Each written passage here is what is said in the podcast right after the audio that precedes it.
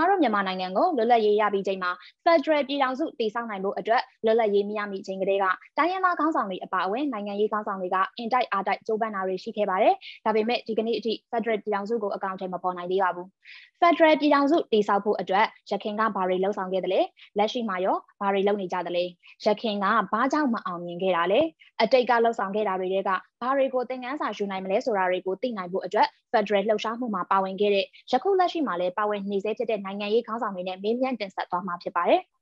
ဒီကနေ့ interview အစီအစဉ်အတွက်တော့ဆလိုင်းဟီယန်အုပ်ကိုကျွန်မဖိတ်ခေါ်ထားပါတယ်ဆလိုင်းဟီယန်အုပ်ဟာသူ့ရဲ့တက္ကသိုလ်ကျောင်းသားဘဝဖြစ်တဲ့1968 69မှာတစ်ကြိမ်1980ဥပဒေပညာရှင်ဘဝနဲ့တစ်ကြိမ်စုစုပေါင်းနှစ်ကြိမ်တိုင်တိုင်တော်လှန်ရေးကောင်စီကပုံဖော်မဲ့ဖွဲ့စည်းပုံအခြေခံဥပဒေအတွက်ချင်းလူငယ်အကြံပေးကိုဦးဆောင်ရေးသားပေးခဲ့သူဖြစ်ပါတယ်သူဟာ1989ခုနှစ် CNLD စတင်တည်ထောင်စဉ်ကတည်းကဒုဥက္ကဋ္ဌအနေနဲ့ပါဝင်ခဲ့သူဖြစ်တဲ့အပြင်သူထောင်ကပြန်လွတ်လာတဲ့အချိန်1990မှာချင်းပြည်နယ်ဟာခါမဲဆန္ဒနယ်မှာလွတ်တော်ကိုယ်စားလှယ်အဖြစ်ဝင်ရောက်အရွေးခံခဲ့ပြီးအနိုင်ရရှိခဲ့သူလည်းဖြစ်ပါတယ်။ဒါအပြင်ဗိုလ်ချုပ်ကြီးစောမောင်လက်ထက်မှာလည်းပြည်နယ်ဖွဲ့စည်းပုံလိုအပ်ကြောင်းအကြံပြုနိုင်တာကြောင့် CNLD ကစလိုင်းညာအုပ်ကိုပြည်နယ်ဖွဲ့စည်းပုံရေးဖို့အတွက်တာဝန်ပေးခဲ့ပူပါတယ်ရှင်။ဟုတ်ကဲ့မင်္ဂလာပါစလိုင်းညာအုပ်ရှင်။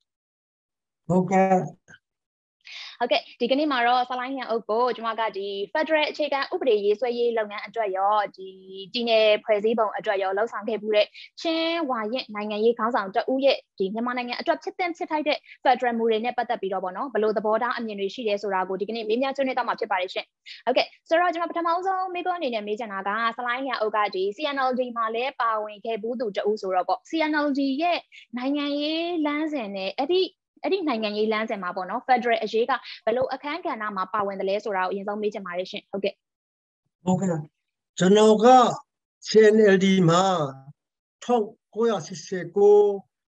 90မှာ CNLD ရဒုဥက္ကဋ္ဌ Vice President နေနဲ့ပါဝင်ခဲ့ပါတယ်ဆိုတော့အဲ့ဒီအဲ့ဒီတို့က CNL CNLD ရဲ့ဒီရွေချက်ကပြည်ထောင်စုမြန်မာနိုင်ငံဖွဲ့စည်းပုံအခြေခံဥပဒေကို အရင်1940ခုနှစ်ခုတုန်းကဖေဒရယ်နဲ့ရေးပဲဥစ္စာကိုဖေဒရယ်နဲ့မရေးဘဲနဲ့တပီထောင်စနစ်နဲ့ရေးခဲ့တဲ့အတွက်ကြောင့်အဲ့ဒီဟာကိုဖေဒရယ်နဲ့အခုခေတ်ဆိုလို့ရှိရင်အာရေးဖို့ကျွန်တော်အကျင့်အကျင့်ပြုတ်ခဲ့ပါတယ်ဆိုတော့ကျွန်တော်လက်ခံထားတာကအာပီထောင်စုစစ်စစ်နဲ့ဒီမိုကရေစီစစ်ကိုထူထောင်မှုဖြစ်တယ်ပီထောင်စုစစ်စစ်နဲ့ဖေဒရယ်စစ်စစ်လို့ကျွန်တော်ဆိုတဲ့ခါမှာအာဒီမိုကရေစီစစ်လို့ဆိုတဲ့ခါမှာ ဘာဖြစ်လို့စစ်စစ်ကိုထည့်ရတယ်လဲဆိုရင်ဗမာပြည်မှာပြည်ထောင်စုမဟုတ်တော့ဥစ္စာကိုလည်းပြည်ထောင်စုလို့ခေါ်တယ်ပြည်နယ်မဟုတ်တော့ဥစ္စာကိုလည်းပြည်နယ်လို့ခေါ်တဲ့ဥစ္စာအဲ့ဒါရှိတယ်အဲ့ဒါနဲ့ဗမာပြည်မှာပြည်ထောင်စုနဲ့ဒီမိုကရေစီပြောလိုက်လို့ရှိရင်စစ်စစ်ကိုထည့်ရမှာအဲ့ဒါကျွန်တော်တို့အတိတ်အာပေါ့ရောက်ပါတယ်လို့အဲ့ဒါနဲ့ကျွန်တော်တို့အာလက်ခံထားတာကခုနပြောလို့အာပြည်ထောင်စုစစ်စစ်နဲ့ဒီမိုကရေစီကိုထူထောင်ဖို့ CNLD က အဲ့ဒါအဓိကဆိုလို့ချက်ဖြစ်ပါတယ်ဟုတ်ကဲ့ဟုတ်ကဲ့ရှင်ဆိုတော့ဒီ CNLD ကလက်ခံယုံကြည်တဲ့ Federal မူတွေရဲ့အနှစ်ချုပ်နဲ့ပေါ့နော်ဒီ Federal အပေါ်ထားတဲ့မူဝါဒသဘောထားတွေရောဘယ်လိုမျိုးရှိပါသလဲရှင်ဟုတ်ကဲ့အာ CNLD ကခါးထားတဲ့ Federal ပုံစံကကျွန်တော်တို့ပြည်ထောင်စုမှာပါဝင်လာတဲ့ပြည်နယ်အလုံးနဲ့အကျိုးတူဥပဒေနဲ့ဒီချက်စီအာပြည်နယ်တစ်ခုအတွက်ဒီချက်စီဖွဲ့စည်းတင်တော့ဆိုပြီးတော့မှအဲ့ဒါဥပဒေပြုအာဏာကို တစ်ချက်ခွေခွေခွေထားတယ်အဲ့တော့ပြည်ထောင်စုဖွဲ့စည်းပုံဟိုအခြေအခြေခံရေးဖို့အာဏာကအထက်လွှတ်တော်မှာပဲရှိတယ်ဆိုတော့အဲ့ဒီပြည်ထောင်စုအကျိုးတူမာတာရိုက်ကတော့ကာကွယ်ရေးငွေတင်းကငွေရှိကထုတ်လို့ရေးပြည်နယ်တစ်ခုတစ်ခုဆက်တွေဖို့ဂျင်းနန်နဲ့အာစာတိုက်အပါအဝင်အာလမ်းပတ်ဆက်တွေပါအဲ့ဒါသုံးခုပြီးတော့နိုင်ငံချေအာကိုပြည်ထောင်ပြည်ထောင်စုလွှတ်တော်က ဥပဒေပြုတည်တဲ့ဥစ္စာအဲ့ဒီလေးခုနောက်တစ်ခုကတော့အင်္ဂလိပ်နဲ့တော့ concurrent subject လို့ခေါ်ပြီးတော့ concurrent ကဥမာပညာရေးဆိုလို့ရှိရင်လေပြည်ထောင်စုကပြည်ထောင်စုနဲ့ဆိုင်တဲ့ဥပဒေပြုမယ်ပြည်နယ်ကပြည်နယ်ပညာရေးနဲ့ဆိုင်တဲ့ဥပဒေကိုပြုစုမယ်ဟုတ်ကဲ့ဟုတ်ကဲ့ပြီးတော့အဲ့ဒီမှာအခုနပြောတဲ့၄ခု၅ခုပြင်ပအကုန်လုံးကိုတော့အဲ့ဒီဆက်မှာဘာတော့ဥစ္စာကိုတော့အကုန်လုံးပြည်နယ်ပြည်နယ်စုတော့ကပဲဥပဒေပြုပိုင်ခွင့်ရှိတယ်ဟုတ်ကဲ့အဲ့ဒီအဲ့ဒီနီးတူပဲ ပြည်ထောင်စုက union revenue list နဲ့ state revenue list ရှိတယ်အခုအခုအခုကောက်ပေါ့နော်ဟုတ်ကဲ့ပြည်ထောင်စုကခုကောက်ရမှာဟာစရင်းနဲ့ပြည်နယ်ကခုကောက်ရမှာမစင်းကိုလေအဲ့ဒါအဲ့ဒါကိုဖွဲ့စည်းပုံထဲမှာပြည်ထောင်စုဖွဲ့စည်းပုံထဲမှာပါရတယ်အဲ့ဒါကိုကျွန်တော်ကခံယူတယ် ဟုတ်ကဲ့ဟုတ်ကဲ့ဒါကတော့ CNLD ရဲ့ဟိုဟို CNLD ရဲ့ Federal ပေါ်ထားတဲ့သဘောထားပေါ့နော်ခံယူချက်ပေါ့ဟုတ်ကဲ့နောက်တစ်ခုကကြတော့ဒီ slide ရအောင်ထောင်ကလွတ်လာတဲ့အချိန်မှာဟာခါအရှိမလဲကျမဒီမိတ်ဆက်ပေးတဲ့အချိန်မှာလည်းပြောခဲ့တယ်ပေါ့ဟာခါမဲဆန္ဒနယ်မှာဝင်ပြီးတော့ရွေးခံခဲ့တယ်ရွေးကောက်ခံခဲ့တယ်အဲ့ဒီအချိန်တုန်းကဒီ Federal အကြောင်းကိုအဓိကပြောပြီးတော့မဲဆွဲခဲ့လို့အနိုင်ရခဲ့တာလို့လည်းကျမမှတ်သားပူပါတယ်ဟုတ်ကဲ့ဆိုတော့အဲ့ဒီအချိန်တုန်းကဒီ Federal နဲ့ပတ်သက်ပြီးတော့ပေါ့နော်ဘယ်လိုအချက်တွေကိုအဓိကပြောဆိုပြီးတော့မဲဆွဲခဲ့တာလဲဆိုတာလေးကျမပြန်ပြီးတော့သိချင်ပါတယ်ရှင်ဟုတ်ကဲ့ အဲ့ဒီကလည်းအဲ့ဒီအခုနကျွန်တော်ပြောလို့စာကိုပဲဟောတာပါအဲ Federal ပြည်ထောင်စုဖြစ်လာလို့ရှိရင်ကျွန်တော်ချင်းပြည်နယ်မှာထွတ်တော်ချင်းပြည်နယ်ထွတ်တော်ရှိမယ်ပြည်ထောင်စုမှာလည်းပြည်ထောင်စုထွတ်တော်ရှိမယ်အဲ့ဒီထွတ်တော်ကပြည်နယ်ထွတ်တော်နဲ့ပြည်ထောင်စုထွတ်တော်ဆိုပြီးတော့တစ်ခုရှိပြီးတော့မှကျွန်တော်ချင်းပြည်နယ်ကချင်းပြည်နယ်ထွတ်တော်ကချင်းပြည်နယ်မှာပြည်နယ်ကဥပဒေရေးဆွဲတင်တဲ့ဘာသာလိုက်တွေကိုပြည်နယ်ထွတ်တော်ကရေးဆွဲမယ် ပြည်ထောင်စုလွှတ်တော်ကိုအာပြည်ထောင်စုလွှတ်တော်ကအခုနကျွန်တော်ပြောတဲ့ပြည်ထောင်စုရဲ့အာဥပဒေပြုတ်ပိုင်ခွင့်ငါခုကိုကျွန်တော်ရှင်းခဲ့မစောဒီပြည်ထောင်စုကရေးဆွဲရမယ်ဥပဒေငါငါမျိုးအပြင်ပါမှာရှိတဲ့ဘုံလုံးကိုတော့ပြည်နေချင်းပြည်နယ်ကပဲဘုံလုံးဆိုတော့ပိုင်မယ်ဥပမာဆိုတော့ရင်ကျဲမှုတော့ပင်ရပင်ရရေးတော့ဟာလဲကျွန်တော်ချင်းပြည်နယ်ကကျွန်တော်ဘာသာပေါ့ကျွန်တော်ဘာသာဥပဒေပြုတ်နိုင်တဲ့ဟာရှိမယ်ဒီအဲ့ဒါမျိုးမှာဆိုလို့ရှိရင်ပြည်ထောင်စုပြည်ဆောင်အလုံး ခြုံတဲ့ပညာရေးနဲ့ဟိုယဉ်ကျေးမှုတော့ဘာလို့ပဲဒါတို့တို့မလဲတဲ့ခွန်ခါရဖြစ်တဲ့အဲ့ဒါကတော့ဒါပေမဲ့ဟိုကိုပြည်နယ်ကနေပြီးတော့မှအခါကွေရေးငွေရင်းကနေဝယ်စုကိုထုတ်လို့ရေးပြည်နယ်တစ်ခုတစ်ခုအစိတ်တွေရေးအလပတ်စိတ်တွေရေးပြီးတော့နိုင်ငံချေးဆိုလို့ဆိုတော့ပြည်နယ်ပြည်နယ်တို့ကအဲ့ဒါတို့မပိုင်ဘူးအဲ့ဒါကတော့ပြည်ဆောင်စုကိုပိုင်မယ်အဲ့ဒါအဲ့လိုပဲကျွန်တော်ခံယူထားပါတယ် ဟုတ်ကဲ့ရှင်ဆိုတော့နောက်ပြီးတော့ဒီ slide ရဲ့ဟိုအာပေါ့နော်ကျွန်မအတိတ်ကအကြောင်းတွေကိုအရင်ပြန်ပြီးတော့မေးမယ်ပေါ့နော်ဆိုတော့ဟိုတက္ကသိုလ်ကျောင်းသားဘဝမှာကတည်းက federal အရေးလှုပ်ရှားမှုတွေကိုလည်းလုပ်ခဲ့တယ်လို့ကျွန်မသိထားတယ်ပေါ့ဆိုတော့ဒီတက္ကသိုလ်ကျောင်းသားဘဝတုန်းကလုပ်ခဲ့တဲ့ federal အရေးလှုပ်ရှားမှုအကြောင်းကိုပေါ့နည်းနည်းလေးပြန်ပြီးတော့အနှစ်ချုပ်ကလေးပြန်ပြီးပြပြပေးစေချင်ပါတယ်ရှင်ဟုတ်ဟုတ်ကဲ့အဲဒီလိုကဒေါ်လာလေးကော်ဖီကိုဘောထုတ်ကြီးနေဝင်ကဥဆောင်ပြီးတော့မှသူတို့ကလည်းခွေးချစ်ပုံရေးဆွဲဖို့အတွက်အားလုံးပြည်သူလူထုက တစုတစီတီအဖြစ်နဲ့တော့ကောင်းတတိပုတ်ကအနေနဲ့တော့ကောင်းအချင်းပြုတ်နိုင်တယ်လို့ဆိုပြီးတော့မှဒီချင်းပြုတ်တဲ့ဟာကပြည်တွင်းငွေရဲ့အချင်းပေးဖွဲ့33ဦးရှိတယ်အဲ့ဒီ33ဦးကလည်းတတိနဲ့ပြီးတော့အာစိတ်တွေအရာစီစီကန်တတိတော်ရေးကောင်စီကိုအချင်းပြုတ်ရမယ်လို့ဆိုထားတာရေဒီယိုနဲ့သတင်းစာနဲ့ကအဲ့ဒါဖိတ်ခေါ်တယ်ဒီဖိတ်ခေါ်တဲ့အတွက်ကြောင့်ကျွန်တော်တို့ချင်းကအင်္ဂလိပ်ခေတ်တုန်းက ကော်လိုနီတစ်ခုအနေနဲ့ကော်လိုနီတိုင်းပြည်တစ်ပြည်ခုအနေနဲ့အင်္ဂလိပ်ကချင်းပြည်နယ်ကိုချင်းချင်းရဲ့အချင်းတော်တာချင်းဥပဒေချင်းတွေကိုလည်း1886နဲ့အုပ်ချုပ်ခဲ့တဲ့အတွက်ကြောင့်လွတ်လပ်ရေးရတဲ့အခါမှာအတ္တလန်တိတ်သာထုတ်နဲ့ UN သာထုတ်အရာကျွန်တော်ကလွတ်လပ်ရေးတောင်းရရချင်တယ်အဲလွတ်လပ်ရေးရချင်ရပေမဲ့စနိုင်လို့ပေမဲ့လို့အဲ့ဒီဘောဆိုးစားနဲ့တောင်တန်းဒေတာလူကြီးများခင်ပြီးတော့မှ ပြည်ထောင်စုဖွဲ့မယ်ဆိုတဲ့အခါမှာဒီပြည်ထောင်စုမှာဆိုလို့ရှိရင်ပြည်ထောင်စုမှာပြည်နယ်တစ်ပြည်နယ်ဖြစ်နေချင်းပြည်နယ်ကိုချင်းကချင်းတောင်ချင်းချင်းပြည်ကပါရမယ်အဲကြောင့်ပါရပေးနေဟိုဗမာပြည်တွေကရခိုင်ရခိုင်ရခိုင်ပြည်နဲ့မွန်ပြည်ကိုဗမာပြည်ဗမာပြည်ဖြစ်တင်းတင်းတဲ့လို့တဘောနဲ့ချင်းပြည်ကို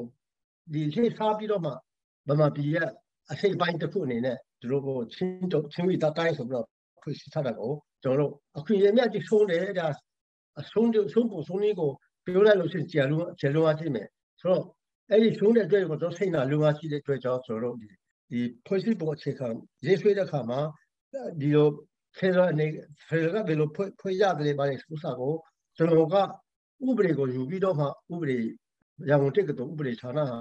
ကျွန်တော်ဘာမောခဥလာအောင်အမေရိကကလည်းအဲ့လေပြရတယ်လို့ကကျွန်တော် professor အဲ့ဒါသူကပြောပြတော့ကျွန်တော်ကောင်းကောင်းလေးဖတ်ထားရတယ်အဲ့ဒါနဲ့ ဖွဲ့စည်းပုံဟိုဖက်ဒရယ်နဲ့ဘယ်လိုရေးရတယ်ဆိုတော့ကျွန်တော်ကကောင်းကောင်းကြည့်ပြီးတော့အဲ့ဒါနဲ့ချင်းလူငယ်အကျင့်ပေးကိုအာဖက်ဒရယ်မူနဲ့ရေးပြီးတော့မှ30တုံးကနေတစ်ဆင့်တော်လိုင်းကောင်စီကိုကျွန်တော်တင်ထားတယ်တင်ထားပေမဲ့လို့အဲ့ဒါ30တုံးအကျင့်ပေးအဖွဲ့ကိုတော်လိုင်းကောင်စီကဖျက်သိမ်းပြီးတော့မှအချက်ဘာမှအရာအရာမရောက်ဘူးဆိုတော့အဲ့ဒါနဲ့တစ်ဆက်တည်းပေးလိုက်မရှိရမယ်1990ကျလာတဲ့အခါမှာပြန်ပြီးတော့ ပြည်ထောင်စုဖွဲ့စည်းပုံအခြေခံဥပဒေရေးဆွဲရေးကော်မရှင်ဆိုပြီးတော့ဖွဲ့ထားတယ်။အဲဒီကော်မရှင်တွေကတိုင်းနဲ့ပြည်နယ်အလုံးကိုတွားပြီးတော့မှသူတို့ပြည်သူလူထုဆန္ဒကိုကောက်ယူတယ်အဲ့ဒီကောက်ယူတဲ့ခါမှာကျွန်တော်တို့ချင်းပြည်နယ်ဟာခါချင်းပြည်နယ်မြို့တော်ဟာခါကိုအဲ့ဒီကော်မရှင်အဖွဲ့ဦးတန်းစင်ဗမှုကြီးဦးတန်းစင်ဦးဆောင်ပြီးတော့မှအဲ့ဒီဟာခါမြို့ပေါ်အထက်တန်းကျောင်း assembly hall မှာကျွန်တော်တို့ကိုအဲ့ဒါဆန္ဒတို့တို့ရှိရှိမှကိုတင်ပြတင်ပြဖို့စီစဉ်ပေးပြီးတော့မှ ကျွန်တော်တို့ကအဲ့ဒီချင်းလူငယ်တုန်းကရေးထားရေးထားတဲ့ဖေရနဲ့ပြည်ထောင်စုမြန်မာနိုင်ငံကိုအာဖွဲ့စည်းပုံရေးဆွဲဖို့နဲ့ချင်းဝိဒေတာတိုင်းမဟုတ်ပဲနဲ့ချင်းပြည်နယ်အဖြစ်နဲ့ဖေရပြည်ထောင်စုအဖွဲ့ဝင်ပြည်နယ်တစ်ခုနဲ့ပါဝင်ဖို့ကျွန်တော်အဲ့ဒါစာတမ်းဖတ်ပြီးတော့မှကျွန်တော်တင်ထားတယ်တင်ထားတဲ့အဲ့ဒီဟာကျွန်တော်ကဘလုံးစုပြီးတော့မှတနိုင်ငံလုံးကိုစုစုပြီးတော့ပေးတဲ့ခါမှာပြည်ထောင်စုမြန်မာတနိုင်ငံလုံးမှာကိုဖေရစစ်စစ်နဲ့စာတမ်းပြည်တော်စာက အားလုံးမှာတရားတစ်ဆက်တည်းပဲရှိတယ်အဲ့ဒီတရားတရားတစ်ဆက်တည်းအာဟဲလာမူဒီနဲ့စာတမ်းထဲမှာချင်းပြည်နယ်ကဒီတာကခု15ခုပြည့်တယ်ကျန်တဲ့ပြည်ထောင်စုကလည်းဒီနာက36ခုပဲရှိတယ်ဆိုအဲကြောင့်ဖြစ်တော့ချင်းပြည်ကတော်တော်ကိုဖယ်လာမှာတကယ်ကိုအားတန်ခဲ့တဲ့အကြောင်းကိုတင်ပြချင်ပါတယ်အဲ့တော့အဲ့ဒီဟာကိုတခါဆန္ဒခံယူပြီးလာပြီးတော့ပြည်သူလူထုဆန္ဒကိုတော့အာယူပြီးတော့မှနောက် 90ချင်းကြာလာတဲ့ခါမှာဆိုကျွန်တော်ကိုအဲ့ဒီဖွဲ့စည်းပုံမှာပါတဲ့အားလုံးကိုကျွန်တော်ကအကုန်လုံးဖမ်းဖမ်းပြီးတော့မှအဲ့ဒီထောင်ကိုမင်းချန်မုံရွာရွှေဘိုစသည်ပို့တယ်ကျွန်တော်နေခေါင်းဆောင်ပိုင်းတူကို MI ခု AGI မှာကျွန်တော်ပို့တယ်ဆိုတော့အဲ့ဒီပြီးမှ1994ခုဖွဲ့စည်းပုံအခြေခံအကြည့်အကြည့်ပြုတ်ပြီးတော့မှဒါကျွန်တော်တို့ကိုအားလုံးကိုကျွန်တော်ဆွ လိုက်တယ်ဒါပေမဲ့ကျွန်တော်တရုတ်ကိုတရုတ်ကိုတော့သူကပဲခေါင်းဆောင်လုပ်တယ်ဆိုတဲ့သဘောနဲ့ကျွန်တော်ကိုတရားဆွေးတယ်တရားဆွေးတဲ့ခါမှာမန္တလေးမှာကြီးဆွေးတော့မန္တလေးမှာကသူတို့အဲ့ဒီအထုခုံရုံးမှာအစိုးရရှိနေကိုယ်တိုင်ကမပြောလဲဆိုတော့ဦးလည်းဟောဒီမှုမှာသူကသူ့မှုကမတရားအတင်းဥပဒေပုံမှန်တုံးနဲ့ဆိုပြီးတော့အဲ့ဒီအဲ့ဒီနဲ့အာဆွေးပြီးတော့မှအဲ့ဒီဟာပြင်းမြောက်ဖို့တက်တဲ့ထောက်ထားမလုံတော့ဘူး ဒါနဲ့ဒီမှုကအစိုးရ policy အမှုဖြစ်တဲ့အတွက်ကြောင့်အပြစ်မပေးလို့ကိုမဖြစ်ဝဲတာသူ့ကိုအပြစ်ပေးပြီးတော့မှသူကြက်ခံပြီးခဲ့တဲ့၃နှစ်ကိုထုတ်ပေးထုတ်ပြီးတော့မှအဲ့ဒါလောက်ပါဆိုပြီးမှသူရှော်ရဲ့ချိန်မှာအစိုးရရှိနေကိုတိုင်ကရှော်လဲတယ်ဆိုအဲ့ဒီတိုင်းပဲအထုခုံရုံးကနေပြီးတော့မှကျွန်တော်ကိုနှစ်နှစ်ခွဲထောင်တန်ပေးပြီးတော့မှအဲ့ဒါကျွန်တော်ကိုအမှုပြပြချင်းချွတ်လိုက်တယ်ဆိုတော့အဲ့ဒီစိကျွန်တော်လွတ်တဲ့ချိန်မှာကျလို့ရှိရင်1995ခု ဩဂုတ်လဖြစ်ပြီးတော့မှအဲ့ဒီမှာကျွန်တော်တုံနှစ်နှစ်နှစ်နဲ့10လကြာဆိုတော့အဲ့ဒီမှာကျွန်တော်အဲ့လိုပဲဟုတ်ကဲ့ဒါကတော့ဒါကတော့တက္ကသိုလ်ကျောင်းသားဘဝကလေးကနေပြီးတော့အဓိကပြောရမယ်ဆိုလို့ရှိရင်တော့ချင်းဝိသေတာတိုင်းကိုချင်းပြည်နယ်ဖြစ်ရေးအတွက်အဓိကကြိုးပမ်းခဲ့တယ်အဲ့ဒီကနေမှတော့ပြောထောင်ကြခဲ့တယ်ပေါ့နော်ဟုတ်ကဲ့ဆိုတော့ကျွန်မအဲ့ဒီဒီဒီချင်းလူငယ်အကြံပြုချက်ပေါ့အဲ့ဒါကိုလည်းအခု slide ရောက်ဖြည့်ထဲမှာလည်းပါသွားတယ်ပေါ့နော်ကျွန်မအဲ့ဒါကိုမေးချင်တာကဒီအဖွဲ့စည်းပုံအခြေခံဥပဒေရေးဆွဲဖို့အတွက်အကြံပြုချက်တောင်းတဲ့အခါမှာ ဒီဇလိုင်းရကိုဦးဆောင်ပြီးတော့ချင်းလူငယ်အကြံပြုချက်ဆိုတာကိုပေးခဲ့တယ်ဆိုတော့ဒီနှစ်ကြိမ်တိုင်တိုင်ပေးခဲ့တဲ့ချင်းလူငယ်အကြံပြုချက်ထဲမှာပေါ့နော်ဟိုအဓိကအနေနဲ့ကတော့ချင်းပြည်နယ်ဖွဲ့ရေးပေါ့ဝိသေသတိုင်းအောင်ချင်းပြည်နယ်ဖွဲ့ရေးပဲလားတခြားတချို့ဘယ်လိုအရေးကြီးတဲ့အချက်တွေပေါ့နော်ဘာတွေပါမလဲပေါ့ကျွန်မအရေးကြီးချက်လေးသိချင်ပါတယ်ဟုတ်ပြည်ထောင်စုတစ်ခုလုံးပြည်ထောင်ပြည်ထောင်စုကို Federal ပြည်ထောင်စုဖွဲ့စည်းပုံအခြေခံနဲ့ရေးရေးရမယ်ပြီးတော့အဲ့ဒီ Federal ပြည်ထောင်စုအဖြစ်နဲ့ပြည်ထောင်စုဖွဲ့စည်းပုံအခြေခံရေးတဲ့အခါမှာ ချင်းဝေသားတိုင်းကဖေရပြည်ထောင်စုအဖွဲ့ဝင်ပြည်နယ်တစ်ခုဖြစ်နေပါဖို့ဆိုပြီးတော့ကျွန်တော်အဲ့ဒီအဓိကတင်ပြတာဖြစ်ပါတယ်ဟုတ်ကဲ့ဆိုတော့ဟိုစလိုင်းညာအုပ်ကရှေ့နေတဦးလည်းဖြစ်တယ်လို့မျိုးဖွဲ့စည်းပုံရေးဆွဲရေးအတွက်လည်းအခုလိုမျိုးပေါ့နော်တော်တော်ကိုပါဝင်ခဲ့ဘူးလားဆိုတော့ဒါနဲ့ဆက်ဆက်ပြီးတော့ကျွန်တော်မေးချင်တာကဖွဲ့စည်းပုံ Federal ဖွဲ့စည်းပုံတရက်မှာပေါ့ဘယ်လိုအခြေခံအချက်တွေ ကျင်းသေးပေါက်ပါတင်တယ်လေရှင်ကျမတို့ဒီအနာဂတ်မှာပုံဖော်မဲ့ Federal ပြည်ထောင်စုအတွက်ပေါ့နော် Federal ဖွဲ့စည်းပုံမှာဆိုရင်ဘယ်လိုမျိုးအခြေခံအချက်တွေအဓိကပါတင်နေလို့သုံးသက်အကြံပြုချင်ပါတယ်လေရှင်ဟုတ်ကဲ့ဟုတ်ကဟုတ်ကဲ့အထက်ကကျွန်တော်ပြောပြတဲ့အခါမှာ Federal ဖွဲ့စည်းပုံဆိုလို့ရှိရင်ဥပဒေဖွဲ့ဖွဲ့ဖို့ကဥမာတစ်ခုကဘာလဲဆိုတော့ဒီထောင်စုကရေးဆွေးမဲ့ဟာ၃မျိုးရှိရမယ်ခုနပြောသလိုပို့လေဒီထောင်စုကရေးဆွေးမဲ့ဥပဒေမျိုးတစ်မျိုး ဒီနေကရေးရမယ့်ဥပဒေကတစ်မျိုးပြီးတော့ပြည်ထောင်စုနဲ့ဒီနေကသူတို့ဟာတဲ့သူတို့ဆိုင်တဲ့ဥစ္စာကိုဒူညီတဲ့မာတာရဲ့ကိုသူတို့ဟာသူတို့ဆိုင်တဲ့ဆိုဥပဒေတိချက်စီရေးဖို့ကအဲ့ဒီသုံးခုကပါရမယ်အဲ့ဒီပြီးလို့ရှိရင်ပြည်ထောင်စုဖွဲ့စည်းပုံထဲမှာပါမယ့်ဥစ္စာကအထက်ကကျွန်တော်တင်ပြခဲ့တဲ့ကာကွယ်ရေးနိုင်ငံခြားရေးဆိုဥစ္စာ၅ခုကိုပါကိုပါရမယ်ပြီးတော့အဲ့ဒီ၅ခုထဲမှာမပါတဲ့ဥပဒေအကုန်လုံးကတော့ပြည်နယ်ကသူတို့ဟာတဲ့သူတို့သူ တို့ရေမြေတဘာဝနဲ့လိုက်လုံးညီထွေတဲ့ဟာကိုတိကျစီရေးနိုင်တယ်ပြည်ထောင်စုမြန်မာနိုင်ငံဟာကျွန်တော်တို့ဘာသာစကားလေးကိုပြတယ်ယဉ်ကျေးမှုလည်းကိုပြတယ်အာရေမီတဘာဝလည်းကိုပြတယ်ဆိုတော့ကျွန်တော်တို့ချင်းပြည်နယ်မှာအိမ်ဆောက်တဲ့ခါမှာချင်းနီမိခိုးကောင်တိုင်နော်မိခိုးကောင်တိုင်ကိုလို့ရတယ်ဘာမှပြည်မလို့ရဘူးဒါပေမဲ့ချင်းပြည်နယ်မှာဆောလို့ရေးဆောက်ခိုင်းတဲ့ခါမှာချင်းနီမပါဘူးဗမာပြည်ဗမာပြည်မှာဘလို့ပဲ အဲ့တော့ကျွန်တော်မိခိုးကောင်တိုင်မှာပါပဲနဲ့အဲ့ဒီဆောက်တာပဲအဲ့လိုဟောအဲ့အဲ့ဒီနှုတ်ကလို့ရှိတာပေါ့လေဒီနေ့ကျတော့ electric နဲ့ဆိုတော့အဲ့ဒါပဲမလို့မလို့တော့တာပေါ့ဆိုတော့အဲ့လိုမတူတဲ့ရေမင်းတဘာဝနဲ့ကိုက်ညီအောင်မတူတဲ့ဥပဒေကိုအဲ့ဒါပြည်နယ်ရေးဆွဲမဲ့လွှတ်တော်ကပြည်နယ်လွှတ်တော်ကရေးဆွဲမဲ့အာဥပဒေမှာအကုန်လုံးလို့ဒီချက်ချက်ချက်ချက်ဟိုဟာနဲ့ကိုရေးဆွဲဖို့ဖြစ်တယ်အဲ့ဒါကပြည်ထောင်စုကအဲ့ဒါမပိုင်ရဘူးပြည်ထောင်စုကလုံးဝမဝင်ဆွဲရဘူး ပြည်ထောင်စုကရေးဆွဲရမဲ့ဥပဒေအမျိုးအစားမှလည်းပြည်နယ်လွှတ်တော်မပါရဘူးပြည်ထောင်စုလွှတ်တော်ကိုရေးဆွဲရမယ်အထက်လွှတ်တော်နဲ့အောက်လွှတ်တော်ပဲအဲ့ဒီကပဲသူတို့ရေးဆွဲရမှာဖြစ်တယ်အဲ့လိုပဲကျွန်တော်တို့ယူဆထားပါတယ် ဟုတ်ကဲ့ဟုတ်ကဲ့ရှင်ဆိုတော့ကျွန်မဒါနဲ့ဆက်ဆက်ပြီးတော့လည်းထပ်ပြီးတော့မေးရမယ်ဆိုလို့ရှိရင်ဒီပြည်နယ်ဖွဲ့စည်းပုံပေါ့နော်ပြည်နယ်ဖွဲ့စည်းပုံဥပဒေလိုအပ်ကြောင်းပြောခဲ့တဲ့ဒီတိုင်းရင်းသားခေါင်းဆောင်တွေထဲမှာဆိုရင်ဆလိုင်းနေအုပ်ကလည်းအစောဆုံးမှာပါခဲ့တယ်ပေါ့နော်ဆိုတော့ဘာကြောင့်ဘာကြောင့်ပေါ့ပြည်နယ်တွေမှာပြည်နယ်ဖွဲ့စည်းပုံဥပဒေလိုအပ်တယ်ဆိုတာကိုကျွန်မတို့ရှင်းပြပေးစေချင်ပါတယ်ရှင်ဟုတ်ကဲ့အဲအခုတော့ပြေလို့ဆိုပဲဗမာပြည်ကရေမေတဘာဝကတပြည်နယ်နဲ့တပြည်နယ်မတူဘူး ဗမာပြည်မှာပူတယ်တောင်ပေါ်မှာအေးတယ်အဲ့ဒါကိုပူတဲ့အဲ့ဒါကိုဘူးတဲ့ဥပဒေကြီးကိုပဲအကုန်လုံးတောင်ပေါ်မှာပြတ်ထမ်းလို့မရဘူးအဲ့ဒါနစ်နာတာပေါ့ကိုဇာတိဥတုနဲ့ကိုကရေမေတဘာဝနဲ့မကိုက်ညီတဲ့ဥပဒေကိုအရင်ကအဲ့ဒါဒီထောင်စုကနဲ့တပြည်ထောင်စနစ်လို့ပြတ်ထမ်းလိုက်လို့ရှင်အဲ့ဒါအကုန်လုံးနစ်နာပုံလာဖို့လေဆိုတော့အဲ့ဒီနစ်နာတဲ့အဆိုအစားကအကုန်လုံးအမျိုးမျိုးကငွေရေးကြေးရေးအကုန်လုံးကလည်းသူတို့ကျမ်းမာရေးကတော့ထိခိုက်ကုန်တာပေါ့အဲ့ဒါနဲ့ပြည်နယ်က သူ့တဘာဝနဲ့သူရေမြေတဘာဝနဲ့ကိုက်ညီတဲ့ဥပဒေကိုရေးဆွဲနိုင်အောင်အဲ့ဒီပြည်နယ်ဥပဒေနဲ့တွေ့ထန်ချင်းနဲ့ပြည်ထောင်စုဥပဒေတဲ့တွေ့ထန်ချင်းကိုကျွန်တော်တို့အကုန်လုံးခွဲချရမယ်ပိုင်းချရမယ်လေပြည်ပြည်ထောင်စုမှာဆိုလို့ရှိရင်အားလုံးကျွန်တော်ဒုံငီတဲ့အကျိုးကိုပဲကျွန်တော်တို့ဥပမာဆိုတော့ကာကွယ်ရေးဆိုရင်ဘယ်ပြည်နယ်ကမှတပြည်နယ်ချင်းနဲ့တိုင်းတစ်ပါးရဲ့ကျူးကျော်မှုကိုခုခံနိုင်မှာမဟုတ်ဘူးအဲ့ဒါနဲ့အားလုံးပေါင်းပြီးတော့မှအတူတူခုခံဖို့ပဲ ငွေချင်းကဆိုရင်ငွေချင်းကကပိုင်းဆောင်အတူတူအကြောင်းတွေ့တူတူအဲ့ဒါကျွန်တော်ပြတ်ထားမှတပြည်လုံးတုံးလို့ရမယ်ပြီးတော့ပြည်နယ်တစ်ခုနဲ့တစ်ခုဆက်သွယ်ရေးလမ်းပတ်ဆက်သွယ်ရေးတော့မလုပ်လို့ရှိရင်မဖြစ်နိုင်ဘူးဒါလုပ်ရမယ်ဆိုအဲ့လိုမျိုးပဲ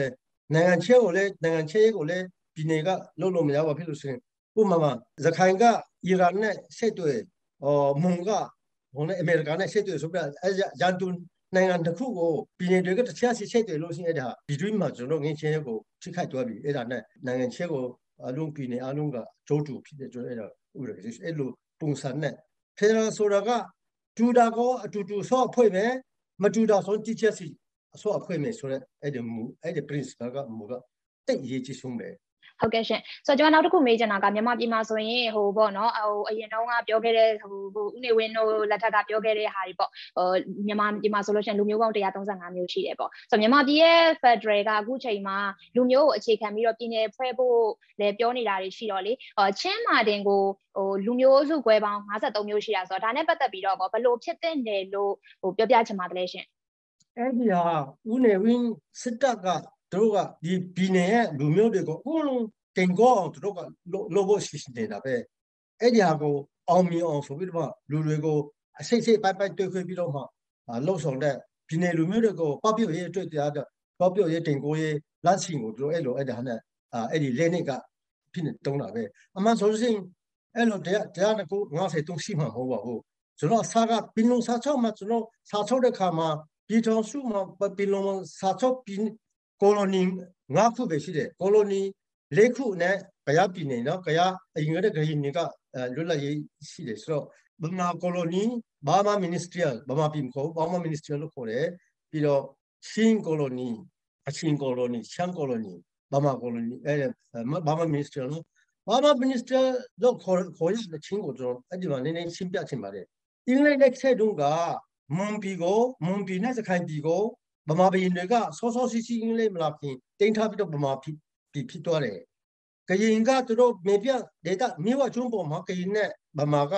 ဇော်ထွဲပြီးတော့နေတဲ့အတွက်ကြောင့်နည်းနည်းခွဲလို့မရဘူးအဲ့ဒါနဲ့ဗမာပြည်အနေနဲ့အင်္ဂလိပ်တွေကတိန်တိန်တွားတာဆိုတော့အဲ့တိန်တွားပြီးလို့ရှိရင်အဲ့ဒီဘာမမင်းစထရီကိုဘယ်လိုနာမည်ခေါ်ရမယ်ဆိုလို့ဆိုက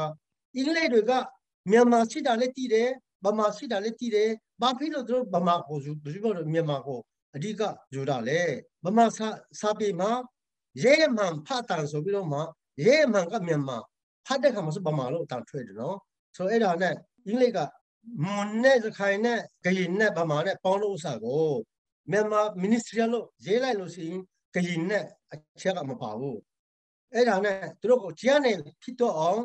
အဲ့ဒါကိုဆိုတော့ဘာမာ ministry လို့ခေါ်ပဲဆိုပြီးတော့ဘာမာ ministry လို့ခေါ်တာမြန်မာ ministry လို့မခေါ်တဲ့အကြောင်းအဲ့ဒါ ဘသူကမှလည်းမပြောဘူးကျွန်တော်အဲ့ဒါပြောတယ်နော်ဆိုတော့အဲ့ဒီပြီးတော့မှယူထုံဆွဖြစ်လာတဲ့ခါမှာအင်္ဂလိပ်ကအုပ်ချုပ်တဲ့တစ်လျှောက်လုံးဘာမာဘာမာဘာမာလို့ပဲအုပ်ချုပ်ခဲ့တယ်ဆိုတော့ပင်လုံစာချုပ်ချုပ်တာလေဘာမာနာမည်နဲ့ပဲဘာမာနာမည်နဲ့ပဲကျွန်တော်စာချုပ်ချုပ်ခဲ့တယ်အဲ့တော့အခုအချိန်နေမှာအလုံးပြည်ထောင်စုမြန်မာနိုင်ငံဆိုတာကစီလုံးအချစ်တယ်ပြည်ထောင်စုမြန်မာဗမာနိုင်ငံဆိုတာကစီလုံးအချစ်အတူကိုပဲခေါ်ရအောင်ဆိုရလို့ရှိရင်အမှန်ဆိုလို့ရှိရင် ဘာမှဆိုတော့ဥစ္စာကိုပဲအကုန်တိုင်းတာလို့ဆိုလို့ဝိုင်းတာကိုဆိုလို့ဥစ္စာခါပါလို့တယ်လေဟုတ်ကဲ့ဟုတ်ကဲ့မြန်မာကတိုင်းတာလို့ကမခါပါဘူးဆိုတမိုင်းကိုဆက်လို့ကဲဒါဆိုရင်မြန်မာတမိုင်းကိုရေးရအောင်ဆိုလို့ရှိရင်မြန်မာတမိုင်းကိုရေးလိုက်လို့ရှိရင်အနော်ထာမှာဆုံးပြောတယ်ဆိုအနော်ထာခဲတုန်းကကျွန်တော်ချင်းကဗမာထဲမှာမပါဘူးအေဒီ95ဆယ်နဲ့ထောင်ခဲကလေးတုန်းကကြောက်စာထဲမှာချင်းဟာရှိပြီချင်းမှာကပြင်တူပဲပေါ်တယ်အဲ့တော့အဲ့ဒါကကျွန်တော်တို့ကို ချင်းကိုမြန်မာဆိုပြီးတော့နာမည်ပေးတော့လုံးဝကိုမရဘူးအဲ့ဒါလူမျိုးပြပပြောင်းစီစဉ်တဲ့သဘောပဲဒါပေမဲ့ဗမာတမိုင်းကိုလက်မယ်ဆိုရင်တော့ပြီးတော့မှအဲ့ဒီအင်္ဂလိပ်ခက်မှာဆုံးတော့တယ်အင်္ဂလိပ်ခက်တဲ့ဆုံးတော့အင်္ဂလိပ်မှာကျွန်တော်တို့ဗမာဆိုတော့အင်္ဂလိပ်ခါပဲတရားဝင်အတုံးဖြစ်လာတယ်ဆိုတော့ဗမာကတိုင်းသားလို့ကိုခြုံပြီးတော့မှမြန်မာကမခြုံဘူးအခုတပ်တွေကစစ်စစ်တပ်စစ်စစ်အောင်ဆိုတွေကမြန်မာကိုအလုံးကပါတယ်ဆိုစားမှဆိုရှင် တိုင်းသားလို့ကိုအမျိုးပြောင်းဟုတ်ကဲ့တို့တမိုင်းပြောက်တော့နော်တို့တမိုင်းကိုလိုက်လို့ရှိမြန်မာပဲဆုံးတော့အဲ့တော့တို့မြန်မာဖြစ်တယ်ဆိုစားတော့တိုင်းသားတွေကိုတခါတည်းအမျိုးပြောင်းအောင်တေကိုဘပြောင်းအောင်လုပ်တဲ့လေးနေပဲဒါကျွန်တော်တိုင်းသားတွေကကောင်းကောင်းလေးမှတ်ထားမှုရှိတယ်ကျွန်တော်တစ်ချက်လူတိတ်မပြောတဲ့ကျွန်တော်အဲ့ဒါပြောတယ်အဲ့ဒါညရမှာဖြစ်ဖြစ်ရဖြစ်ရှင်ရညရမှာပဲလုံးလုံးမှာအဲ့ဒီညရကလည်း မတူညီတဲ့ညီကိုကျွန်တော်လိုက်လို့အတွက်ကြောင့်ဒီနေ့ထက်ချီကျွန်တော်တို့တိုက်ပြန်အေးမချင်းဖြစ်တာဖြစ်တာညရမှလည်းကြိုက်ဘူးညရမှဆိုတော့ကရေကိုတုံပိုက်လောက်လို့ရှိရင်နှိမ့်တဲ့ထက်ကိုစီးရမှာကြိုက်တဲ့သူ့ညရပါပဲအဲ့လိုပဲဒီထောင်ဆွေးအောင်ကိုဖိတ်တဲ့ခါမှာဒီထောင်ဆွေးနဲ့ဖိတ်ရမှာကသူ့ညရမှာပဲအဲ့ဒီညရကိုစမ်းချင်ပြီးတော့မှလုပ်နေတဲ့အတွက်ကြောင့်ဒီနေ့ထိထိငင်းချင်မှုမရတာနော်ဆိုတော့ခုလူငယ်တွေကတဘောပေါ်လာပြီးတော့ပေါ်ချိုးစီစဉ်တဲ့ ဒီထောင်စုအချစ်ကိုတော့လို့လို့နေတော့ကျွန်တော်နိုင်မှာပါ